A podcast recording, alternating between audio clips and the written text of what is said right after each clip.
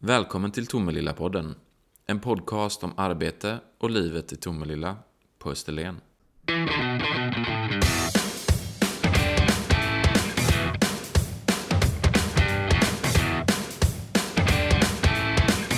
Välkommen till Tomelilla-podden Desiree Lendklo. Tack.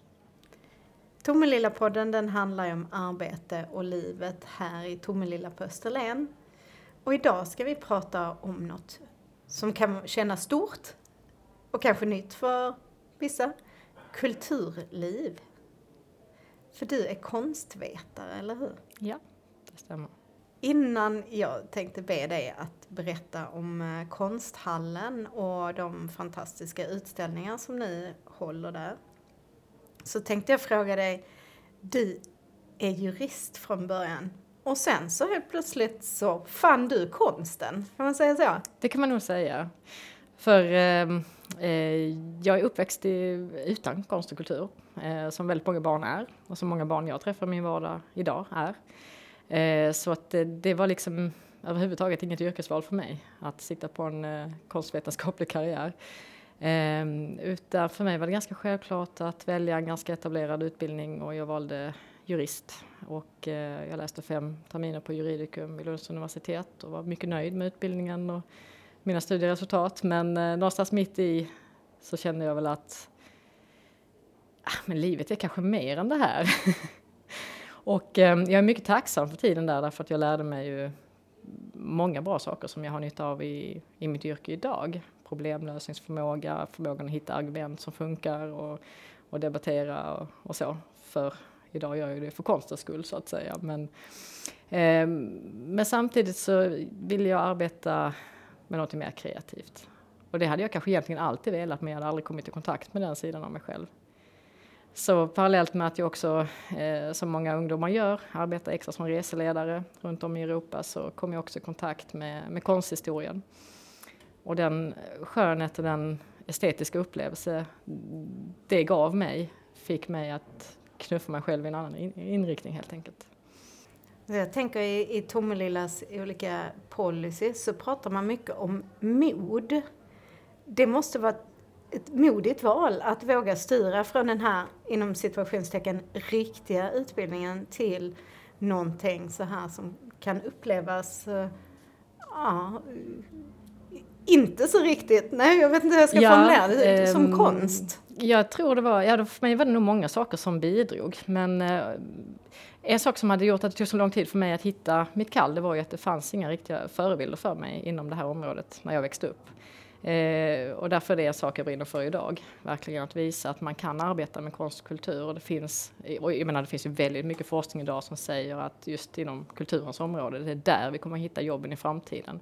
Kulturen kommer verka som en slags systemövergripande eh, Ehm, ett värde som kommer finnas i alla branscher och som kommer vara där som vi kommer att kunna se ehm, många fler jobb i framtiden. Men, men så var det ju inte då, utan för mig var det väl mer en fråga om eh, vad jag egentligen innerst inne ville göra. Men också om att hitta mig själv i en större kontext. Och det gjorde jag i konsthistorien. För helt plötsligt när jag då började eh, läsa konstvetenskap så, så, så, fick jag alla de här stora sammanhangen som jag inte hade haft tidigare trots alla mina år i skolan. Eh, trots att jag var väldigt eh, duktig på historia i skolan så hade jag aldrig riktigt fått hela den röda tråden, hur allt hängde samman. Och genom studier i konsthistoria så fick jag det, upplevde jag. Jag kunde se mig själv som en liten del av ett mycket större sammanhang och, och, och jag hamnade rätt. Um, och sen börjar man ju upptäcka också eh, att, att, man, att man kan se världen på väldigt många olika sätt. Och det måste jag verkligen säga var eh, en stor förtjänst med, med utbildningen. Att man lär sig att se och inte bara se bilderna och, och allt flödet runt omkring sig på det sättet utan man lär sig också att, att se på sin omvärld och se på sig själv på ett nytt sätt när man läser konstvetenskap. Man lär sig också att analysera allt det som, alla de skeenden som annars ofta går en förbi. Um, och framförallt så lär man sig också bli ganska källkritisk, vilket är en bra egenskap idag. Verkligen en bra egenskap idag. Då har du ju fått med dig den här passionen, hör jag, att väcka konstintresse hos andra. Och det, det gör du ju nu i din roll eh, knuten till konsthallen i Tomelilla. Vill du berätta lite först om konsthallen. Mm. Eh, Tomelilla konsthall är ju en väldigt speciell institution om man ser även ur ett nationellt perspektiv eftersom det är en av de första konsthallar som, som byggdes utanför de större städerna. Men inte bara det utan som också hade den ambitionen som man från början hade. Det vill säga att, eh, att producera utställningar, skapa konstupplevelser som är av väldigt hög kvalitet. Så att den ambitionen har liksom följt konsthallen sedan 1965. Eh, det är också viktigt att säga i sammanhanget att, att konsthallens geografiska läge är ju, ehm, är ju också väldigt speciellt. Att vi finns ju i en region som i, i över hundra år har varit ett eh, centrum för konstnärer i Sverige. Man kan nästan likna lite grann Österlen vid, vid Skagen i Danmark. Att det, vid sekelskiftet 1800-1900 när man började kunna komma ut och måla friluftsmåleri när, när man fick tuber färgtuberna man kunde ta med sig ut och staffliet och andra typer av penslar och hela den här utvecklingen att man då sökte sig till, till ljuset och till landskapet och, och miljöerna på Österlen. Um, så det la ju liksom grunden för att, att, att Österlen är det, det är idag som är då en väldigt konstnärstät region, mycket kreativ region. Och konsthallen i det sammanhanget är ju också kopplat till eh, Tomelilla konstsamling, inte att förglömma, som ju då är en stiftelse som, eh, som började verka i regionen väldigt tidigt på 1920-talet och, och byggde upp en, har byggt upp en stor samling. Eh, och det var ju egentligen Tomelilla konstsamling som drev igenom att Tomelilla till slut fick sin konsthall som också drev verksamheten första tiden. Då. Och den här konsthallen har funnits sedan 1965. Mm. Och hur används den nu i modern tid? Eh, vi, är ju en, vi har ju en väldigt eh, omfattande verksamhet. För det första är vi ju en, eh, en året runt öppen konsthall. Vi har sex externa utställningar, huvudutställningar per år.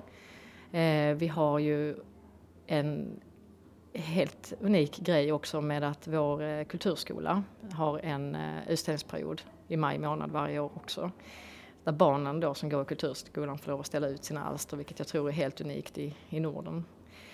Um, och sen har vi dessutom då ett antal mindre utställningar, ofta fotoutställningar på nedre plan, ett antal sådana per år. Um, vi har också en väldigt stor pedagogisk verksamhet med visningar, workshops, program för barn och vuxna. Vi har alltifrån babyvisningar till uh, visningar för grupper med speciella behov eh, skolvisningar då naturligtvis, men också ett väldigt tätt samarbete med Österlens folkhögskola så att grupper från folkhögskolan kan komma till oss. Eh, och också att vi samverkar kring eh, språkinlärning och utveckling på olika sätt där, att utställningarna blir som en slags eh, ja, ett projekt som de kan arbeta med under längre tid. Känns som ni har ett väldigt stort nätverk kring själva konsthallen. Ja, det har vi. Och det är vi beroende av. Det, så är det ju. Hur jobbar ni på att utveckla det nätverket? Jag säga, det, det är fullt sjå med bara hålla det igång, det som finns så att säga. Eh, det är ju ett välutvecklat nätverk som har varit eh, som är väl befäst i regionen och där tror jag vi har en fördel att vi verkar i en mindre, i en, en mindre ort. Därför att man har fysiskt närmare till varandra och man är mer beroende av varandra. Men det är också så att skolorna ligger ju, förutom landsortsskolorna, så, så ligger de ju nära oss geografiskt och de har lätt att ta sig till oss. Eh, Folkhögskolan ligger ju väldigt nära oss och de kan ju gå till oss, vilket är eh, väldigt bra. Eh, så vi, och, och sen är vi ju dessutom då med i olika internationella nätverk naturligtvis. Eh, eh, som har också att göra med vårt internationella Artist in Residence, då, som är ny nyetablerat och kommer att gå av stapeln för första gången nu i maj 2019.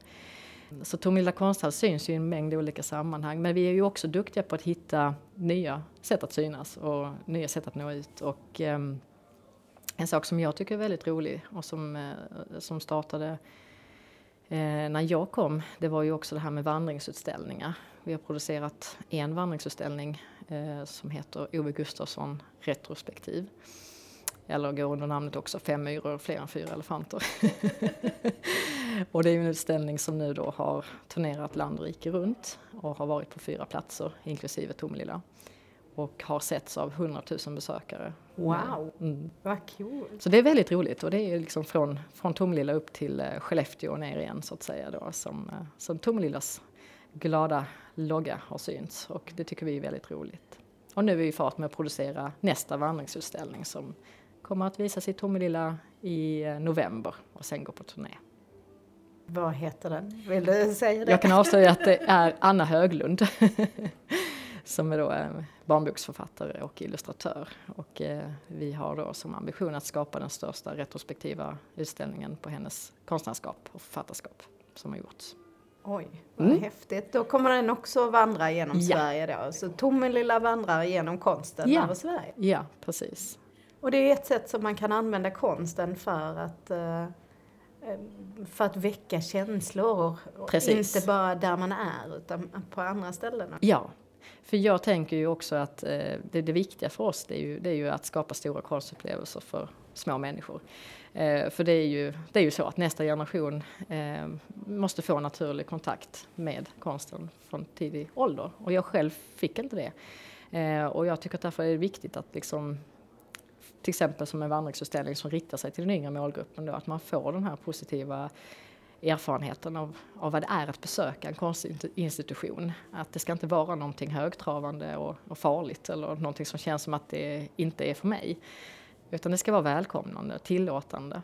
Sen kan ju inte alla utställningar vara det mot, mot alla målgrupper, så är det ju. Och vi har ju ett ansvar också att, att, um, att visa spetsen, att visa utställningar som attraherar den smala målgruppen också.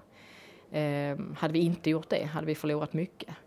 Men samtidigt så, så, så, tycker jag att de här interaktiva utställningarna för de yngre målgrupperna, de är ju väldigt roliga att jobba med. De ger ju liksom resultat direkt och man får ju också, eh, de utvärderas ju så att säga väldigt hårt av den målgruppen också. Och det lär ju oss en hel del om hur man skapar utställningar. Ja, så det blir som ett interaktivt arbete då kan man säga? Ja, det blir det. Och jag tänker att här låter det som ni har fantastiska planer och medel och samarbete just kring barnen. Att de får med sig de här upplevelserna nästan med modersmjölken, i alla fall med utbildningen i skolan. Vi andra, lite mer vuxna, om man aldrig har varit på en konsthall eller um, har någon kulturell bakgrund, varför ska man besöka er konsthall? Mm.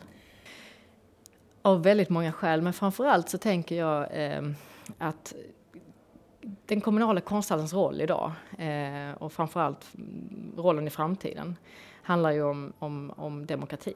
Det handlar om att, eh, att konsthallen är ett forum för ett offentligt samtal, eh, för en dialog. Det är ett forum där man kan föra fram de lite mer marginaliserade frågorna. Det är ett, det är ett ställe där man kan få upplevelser som liksom puffar en vidare i andra riktningar. Man, eh, man kan utsätta sig själv för upplevelser som får en att tänka på ett nytt sätt. Det är väl den viktigaste anledningen, tänker jag, till, till ett konsthallsbesök för egentligen vem som helst. Um, och särskilt idag tror jag att det är väldigt viktigt att vi har den typen av platser i samhället för att de börjar bli få. Ironiskt nog, i en tid när vi lever så till synes nära varandra, digitalt uppkopplade och, och i en tid där liksom geografiska avstånd spelar mindre roll. Men, men trots det så verkar det som att vi har allt svårare för att verkligen föra ett riktigt samtal, att föra fram argument. Um, och där tror jag konsten kommer att spela en avgörande roll i framtiden också. Att vi lär oss att samtala kring ett ämne och vi lär oss också att ta reda på vad vi själva egentligen tycker och tänker om saker.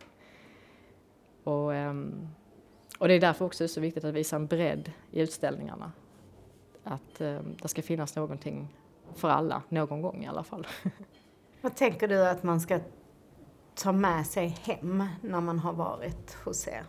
Jag hoppas ju att man går därifrån ifrån våra utställningar med fler frågor än vad man har fått svar. Eh, jag hoppas att, att utställningarna har en förmåga att plantera frön hos besökaren och att man då kan gå hem och fundera på jaha, jag har fått lära mig att se saken ur ett nytt perspektiv idag. Vad kan det innebära eh, i min vardag?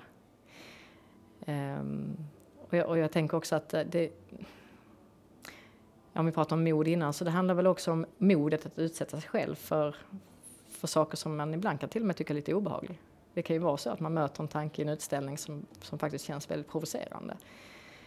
Och då handlar det ju mycket om det egna ansvaret. Vad ska jag göra med den upplevelsen? Um, hur kan det påverka mig i min vardag? Och kan jag ta det vidare någon annanstans? Så jag skulle vilja säga att det är lite, lite aktiviströrelse också vi håller på med.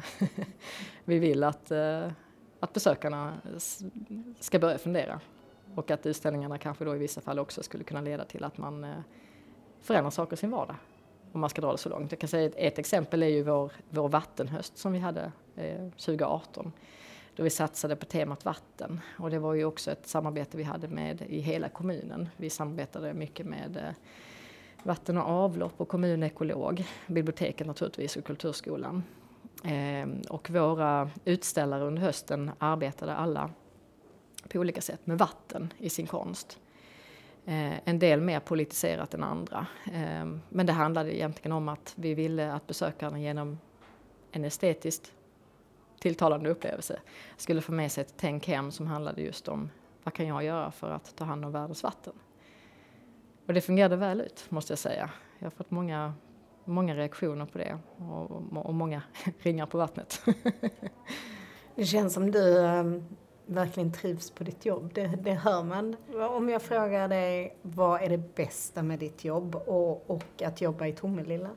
Ja, det svarar jag väldigt enkelt på. Det, det allra bästa med mitt jobb är ju mina kollegor och eh, det samarbete som vi har eh, internt. För utan det hade ingenting av det som visas externt kunnat ske.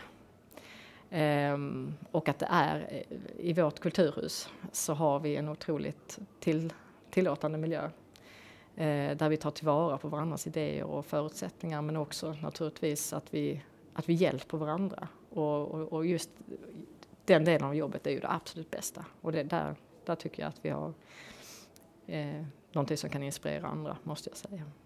Det gör all skillnad i världen. Man blir verkligen nyfiken på att göra ett besök. Hur hittar man till er?